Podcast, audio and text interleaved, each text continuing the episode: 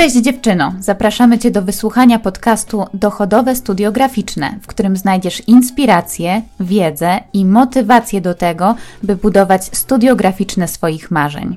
O wzlotach i upadkach własnego biznesu kreatywnego opowiemy Ci my, Karla i Ania, czyli graficzki, założycielki studio Szablon, strateżki komunikacji, edukatorki i twórczynie przełomowego kursu o prowadzeniu własnej działalności graficznej. W każdym odcinku podcastu czekają na Ciebie wskazówki, jak działać w zrównoważony sposób w biznesie kreatywnym, by czerpać ze swojej pracy maksimum satysfakcji, omijać pułapki w komunikacji z klientami i nie dać się złapać wypaleniu zawodowemu bo jesteśmy przekonane, że zasługujesz na biznes, który daje ci siłę, byś mogła robić to, co kochasz najbardziej, na markę, która przyciąga wymarzonych klientów i na współpracę, które przynoszą ci autentyczną radość i głębokie poczucie spełnienia. Złap kubek kawy albo kieliszek orzeźwiającego prosecco i dołącz do nas w kolejnym odcinku podcastu Dochodowe Studio Graficzne.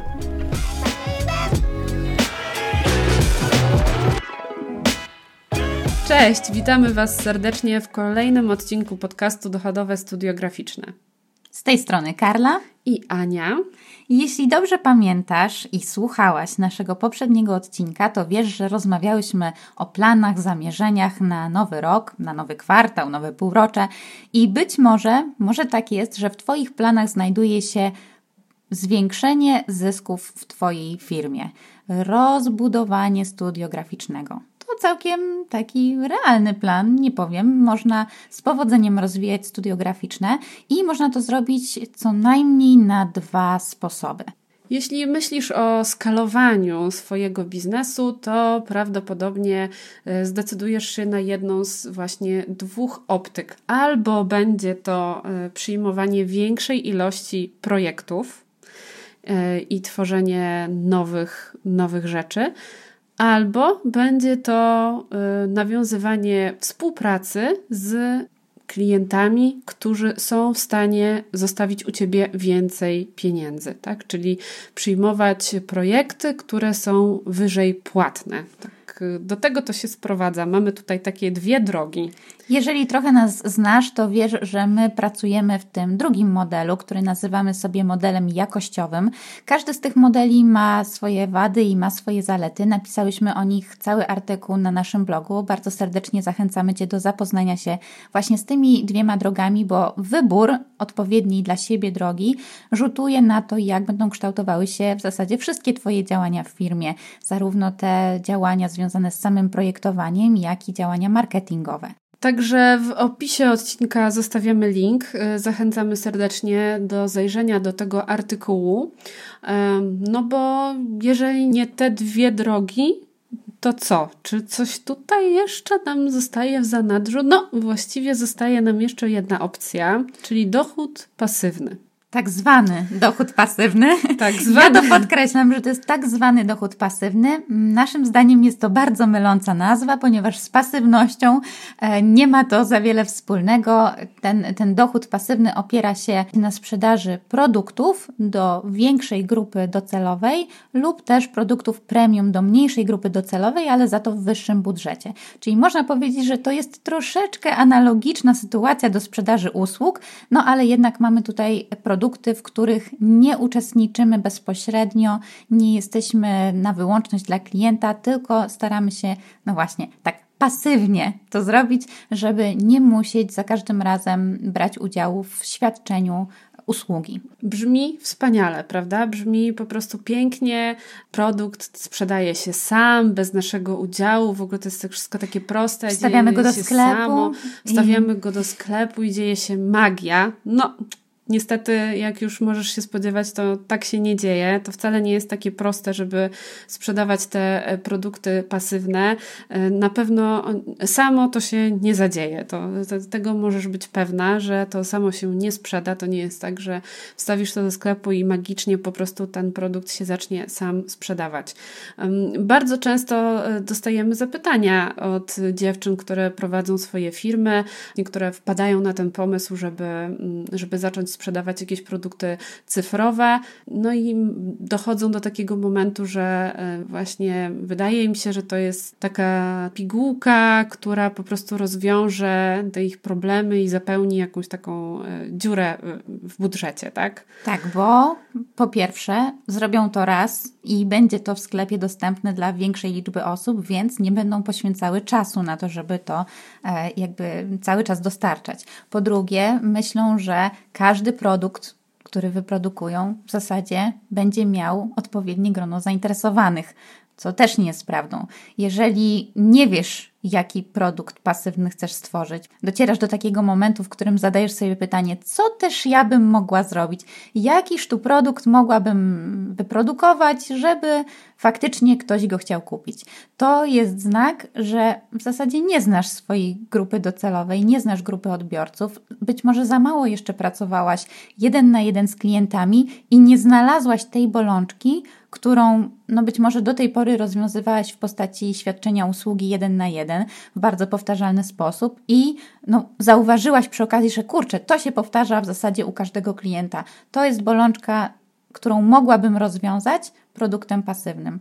Jeżeli nie miałaś takiego momentu w obsłudze klienta, to prawdopodobnie jeszcze za bardzo e, ten produkt pasywny nie ma u ciebie racji bytu. To będzie trochę taka walka z wiatrakami, że masz jakiś, jakąś taką ideę, żeby to robić, ale nie ma to podstaw rynkowych i nie będzie się sprzedawało. Z, z wysiłkami marketingowymi czy bez, po prostu nie odpowiada na żadne realne potrzeby klientów. No właśnie, tutaj trzeba myśleć e, w kategorii e, rozwiązywania problemów, prawda? Jeżeli e, masz jakiś fragment takiego swojego procesu projektowego, który wyobrażasz sobie, że klient mógłby wykonywać samodzielnie, że mógłby właśnie mieć jakiś produkt cyfrowy, z którego mógłby korzystać, że to by była, nie wiem, jakaś checklista, zbiór jakichś pytań, które mógłby samodzielnie sobie klient przerobić, no to wtedy ten, ten fragment takiego procesu, procesu projektowego możesz wykorzystać jako, jako bazę do produktu cyfrowego.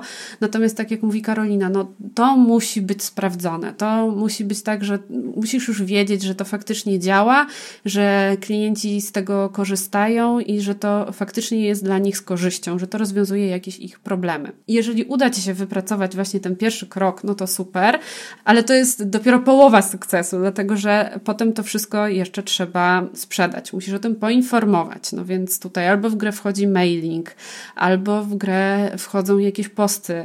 E, no to wiadomo, że posty muszą pojawiać się e, wielokrotnie. To nie jest tak, że raz gdzieś o tym napiszesz i że już wszyscy się o tym dowiedzą. Także no, chcemy tutaj tylko właśnie tak zasygnalizować, e, bo właściwie to nie o tym dzisiaj w ogóle mamy mówić, ale chciałyśmy zasygnalizować, że właśnie z tymi produktami cyfrowymi, z tym dochodem pasywnym to nie jest taka prosta sprawa, to się nie sprzedaje samo, i trzeba stale wokół tych e, produktów chodzić, stale trzeba je reklamować, o nich mówić, żeby one zaczęły się sprzedawać aktywnie w powtarzalny sposób, tak? No bo o to chodzi, żeby to był ten powtarzalny sposób. Tak jest. I ja jeszcze tylko dodam, że można ulec takiej pokusie, że skoro na wszystkich reklamach guru online'owych widzimy, że można sprzedać kurs za 5 zł, zarobić na tym 30 tysięcy, etc., etc., no to y, można właśnie tak y, pomyśleć sobie, ok, to naprawdę nie jest nic trudnego.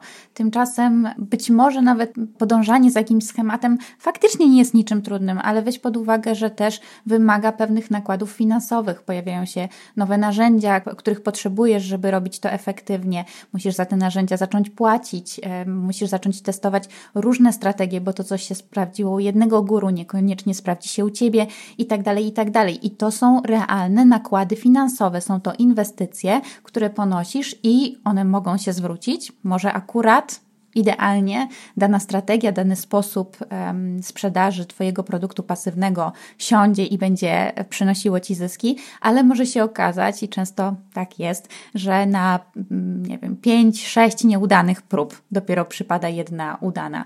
Więc e, to, co miałoby Ci przynosić tak pobocznie, tak e, super ekstra dodatkowo jakiegoś rodzaju przychód, staje się obciążeniem i drenuje Twój portfel, zamiast dodawać do niego e, właśnie ten takie, takie extra money na, na wydatki i na jakiś e, dalszy rozwój Twój. Więc weź to pod uwagę i nie podejmuj pochopnie tej decyzji o wprowadzeniu produktu pasywnego.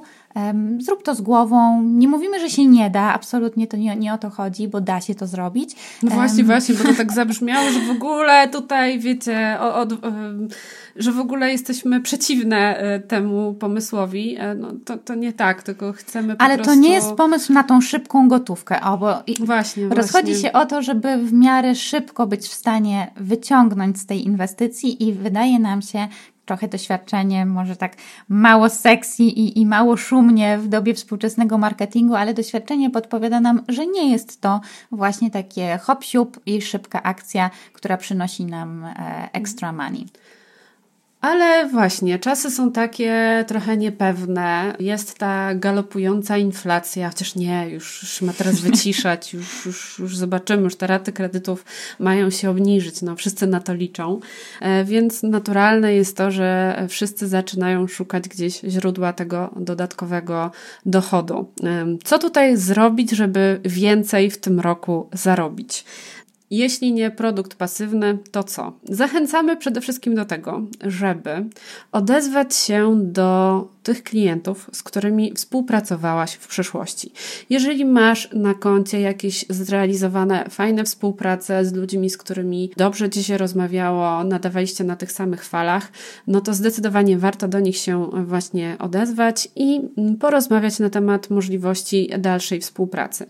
E, jeżeli współpracowaliście pół roku temu, rok temu, dwa lata temu, to bardzo możliwe, że klient jest teraz w zupełnie innym miejscu, być może też y, jakoś troszeczkę zmienił ten swój biznes, też myśli o jakichś nowych rozwiązaniach, więc jak najbardziej tutaj może być y, pole do popisu dla Ciebie, żeby zrobić coś y, nowego wspólnie. Wystarczy po prostu się przypomnieć wiadomością mailową, napisać Cześć, co u Ciebie słychać, jak się masz teraz w tej inflacji, jak sobie radzisz, e, obserwuję Cię, widzę co robisz, być może w tym i w tym działaniu, które widziałam, że prowadzisz, czy, czy zamierzasz wprowadzić, potrzebna by Ci była moja pomoc, bo mogę zaoferować to, to i tamto. To jest e, takie trochę skracanie dystansu i skracanie ścieżki dotarcia, bo klient być może nawet i o Tobie pomyśli, ale za pół roku, więc e, Ty wychodząc przed szereg, można powiedzieć, już jakby od razu jesteś, zanim on o tobie pomyśli, to już jesteś pod ręką i to sprawia, że w, znacznie szybciej wiele rzeczy może się wydarzyć, co jest dla ciebie dobre, kiedy potrzebujesz właśnie tego e, dodatkowego dochodu. I być może teraz właśnie jest jeszcze dobry moment na to, żeby zaproponować e, taką e, współpracę na zasadzie abonamentu, dlatego że klient też jest w tej samej sytuacji, jego też doświadcza ta recesja, więc on prawdopodobnie nie ma teraz wielkiego budżetu na e, bardzo rozbudowany projekt, ale jeżeli zaproponujesz współpracę abonamentową, no to to już być może będzie takie rozwiązanie, które może akurat trafić teraz, tak, na ten, e, na ten dobry moment. Druga opcja to bardziej kreatywne przyjrzenie się obecnym zleceniom. Jeżeli właśnie Stworzyłaś świetną identyfikację wizualną. Twój klient zachwyca się tym, co powstało, co wyszło spod Twojej ręki. To zaproponuj rozszerzenie identyfikacji wizualnej o kolejne wzory, na przykład grafik pod media społecznościowe. Może pracowałaś już nad grafikami nad Instagram? Zaproponuj rozszerzenie na grafiki na Facebooka czy na Pinterest. Pokaż klientowi, że jest potencjał w pewnych zabiegach marketingowych i również w oprawie graficznej dla tych zabiegów marketingowych i w ten sposób poprowadź klienta do decyzji o tym, że tak, robimy coś więcej, rozszerzamy zlecenie i e, już jakby małym nakładem e, sił podbijasz budżet całościowy zlecenia. I dobrze jest właśnie takie rozszerzenie współpracy, taki upsell, zaproponować y, nie kiedy już y, dochodzi do tego momentu, kiedy zamykasz y, projekt, zamykasz współpracę z tym klientem, tylko dobrze jest wykorzystać właśnie tę chwilę, kiedy E, klient jest e, bardzo zadowolony z Waszej współpracy, pisze Ci o tym, że e, bardzo mu się podobają efekty i, i, i że jest po prostu cały happy i nie może się doczekać, kiedy już zacznie z tego wszystkiego korzystać, to właśnie dobrze ten, ten moment wykorzystać i wtedy zaproponować ten upsell. Pałeczka też zostaje w komunikacji po Twojej stronie, bo jeżeli ty zaproponujesz e, ten, da, tą dalszą współpracę, to ty możesz też zaproponować konkretne ramy czasowe i um, po prostu zapewnić sobie um, taką stabilną sytuację, że e, nie będzie jakiegoś przestoju, tylko mo, być może płynnie przejdziesz od tego projektu do kolejnego um, z, tym samym, z tym samym właśnie klientem, no albo ewentualnie, jeżeli kogoś już tam masz w kolejce, no to po prostu zaproponujesz e, ten, ten najbliższy możliwy termin do kontynuacji tej waszej współpracy. Ale mm, bardzo fajne jest właśnie to, że kiedy już znasz trochę tego klienta, e, znasz jego biznes, to możesz po prostu ze swojej perspektywy spojrzeć na rozwój mm, tej firmy i zaproponować jakieś e, ciekawe rozwiązania, też bazując na swoim doświadczeniu i, i na tym, jak do tej pory współpracowaliście, to naprawdę naturalną rzeczą jest, że przychodzą ci do głowy pewne pomysły na rozwój. To... No właśnie, bo to nie trzeba jakoś się silić na jakieś oficjalne, niesamowite historie, tylko nawet w takiej luźnej rozmowie powiedzieć: Hej, a co myślisz o tym, żeby i tutaj podaj swój pomysł. Co myślisz o tym, żeby swoim klientom wysyłać e, taki pakiet powitalny? Wiesz, to by było, to, to by zrobiło fajne wrażenie, gdyby twoi klienci otrzymywali broszurę, w której byłoby napisane to, to i tamto.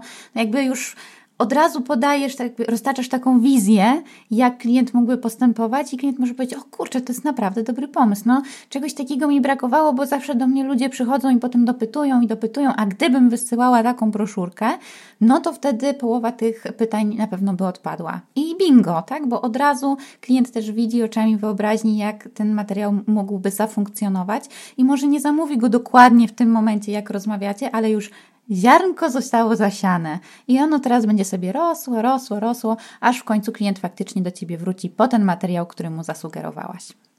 Kolejnym sposobem na wyższy dochód jest oczywiście podnoszenie cen. Pewnie Dobra, to takie dosyć oczywiste, ale powiedzmy to, podnoszenie cen. Tak, to pewnie Cię nie zaskoczy. E, wszędzie w koło ceny rosną, wszystko kosztuje coraz, coraz więcej, coraz więcej, więc no to też jest taki ruch, e, można powiedzieć, naturalny, że, że Twoje usługi też są coraz droższe, bo przecież koszta chociażby programów i licencji mm, też ciągle idą w górę, tym bardziej, że płacimy je w euro albo w dolarach, tak? Więc jesteśmy od razu na spalonej pozycji, można powiedzieć. Ale mm, jak to mądrze zrobić? Jak, jak to zrobić z głową? Musisz po prostu podjąć decyzję, to już tutaj musisz samodzielnie sobie wyliczyć, o ile procent te, te ceny podnosisz i, i równo po prostu podnieść e, ceny e, wszystkich produktów czy wszystkich usług dla nowych klientów. A w zasadzie ja to w ogóle jestem zwolennikiem tego, żeby z każdym nowym klientem o odrobinę podnosić cenę, żeby każda kolejna osoba, która przychodzi, miała już troszkę wyższy ten budżet za tę samą usługę niż poprzedzająca. E, to też fajnie pozwala sprawdzić, gdzie jest ten maksymalny pułap, jaki Twoja grupa docelowa jest w stanie przeznaczyć na Twoje usługi. Bo jeżeli zafiksujesz się na jednym poziomie cenowym, to tak naprawdę nigdy tego nie sprawdzisz. Nie będziesz wiedziała, gdzie jest ten maks. W zależności od grupy docelowej, ten maks będzie w innym miejscu, e, więc to też dobrze wiedzieć po prostu, do czego dążymy i gdzie mamy, gdzie mamy ten, powiedzmy sobie, szklany sufit, który ciężko będzie przebić, i, i dopiero jak do niego dobrniemy, to wtedy będzie trzeba zastanawiać się nad jakąś zmianą e, taką grubszą, tak, w, w, strategii prowadzenia biznesu. Ale też w tej całej sytuacji drożyzny może być tak, że klienci, którzy do tej pory wyobrażali sobie, że stać ich na Twoje usługi, no to niestety będą musieli zrezygnować z pełnego zlecenia. I też dobrze jest przewidzieć dla nich jakąś opcję, żeby nie zostali tak zupełnie na lodzie, bo obserwowali Cię, rozgrzewali się u Ciebie, wiedzą, że tego potrzebują, no ale okazuje się, że no, na pełną usługę nie są w stanie stanie sobie pozwolić. To co wtedy? No właśnie, bo to są takie osoby, które chciałyby z Tobą współpracować, rzeczywiście być z Tobą w tym procesie projektowym, współpracować jeden na jeden, no i co możesz im zaproponować? Na pewno nie usatysfakcjonuje takiego klienta ten produkt y, cyfrowy. To się tutaj nie sprawdzi, to będzie za mało. Dla takich osób możesz przewidzieć inny rodzaj usługi. Może to być audyt albo na przykład konsultacje graficzne, na których będziesz y, omawiać z klientem wizerunek graficzny, albo konkretne rozwiązania na stronie internetowej. W każdym razie chodzi tutaj właśnie o taką usługę, która nosi znamiona tej współpracy jeden na jeden. Jest kontakt taki na żywo y, i jest taka właśnie współpraca jeden na jeden, natomiast no, jest to na pewno y, usługa, która nie jest taka obciążająca czasowo dla Ciebie, tak? bo to nie jest y, współpraca, która się ciągnie przez miesiąc albo dwa, no tylko powiedzmy, biorąc pod uwagę, że jeszcze pewnie jakieś wskazówki chcesz potem zebrać, jakieś podsumowanie po spotkaniu, to powiedzmy, że w, w jednym tygodniu zamknie się współpraca przy takim projekcie. W trakcie takich konsultacji również możesz podawać rozwiązania graficzne, tak jak Ania powiedziała, możesz opracowywać fragmenty identyfikacji wizualnej, możesz wspierać się istniejącymi już elementami graficznymi, które możesz tylko podesłać klientowi, żeby zobaczył, jak, e, co, co konkretnie masz na myśli, mówiąc o danym stylu graficznym i tak dalej, i tak. Czyli no jest faktycznie tutaj trochę tej pracy kreatywnej, jest e, ta usługa łączenia kropek, jak ja to mówię, ale nie ma tego zaangażowania, nie ma tego osobistego um, tworzenia um, pod bardzo konkretny cel, choć jest dużo indywidualizacji. To jest właśnie fajne. To jest to takie rozwiązanie pomiędzy. Czyli jest to usługa dla przyszłego klienta w niższym budżecie, a dla Ciebie to jest nadal coś, co powiększa Twój budżet. Jeżeli chciałabyś zawalczyć o wyższe stawki w swoim studiograficznym, to zapraszamy Cię do przeczytania artykułu na naszym blogu. Zostawimy link do niego w opisie pod odcinkiem. Znajdziesz tam konkretne strategie, jak to robić, żeby nie odstraszyć klientów i e, faktycznie podnieść swoje wynagrodzenie. I jeśli myślisz o tworzeniu studio z głową, jeżeli chciałabyś właśnie pracować w tym modelu jakościowym, o którym wspomniałyśmy na początku tego odcinka, to zapraszamy Cię serdecznie na kurs Dochodowe Studio Graficzne. Link do zapisu znajdziesz w opisie tego odcinka. Właśnie zbieramy listę osób zainteresowanych kolejną edycją, która wystartuje wiosną 2023. Zapraszamy serdecznie serdecznie. To tyle na dziś. Do usłyszenia w następnym odcinku podcastu. Cześć! Cześć!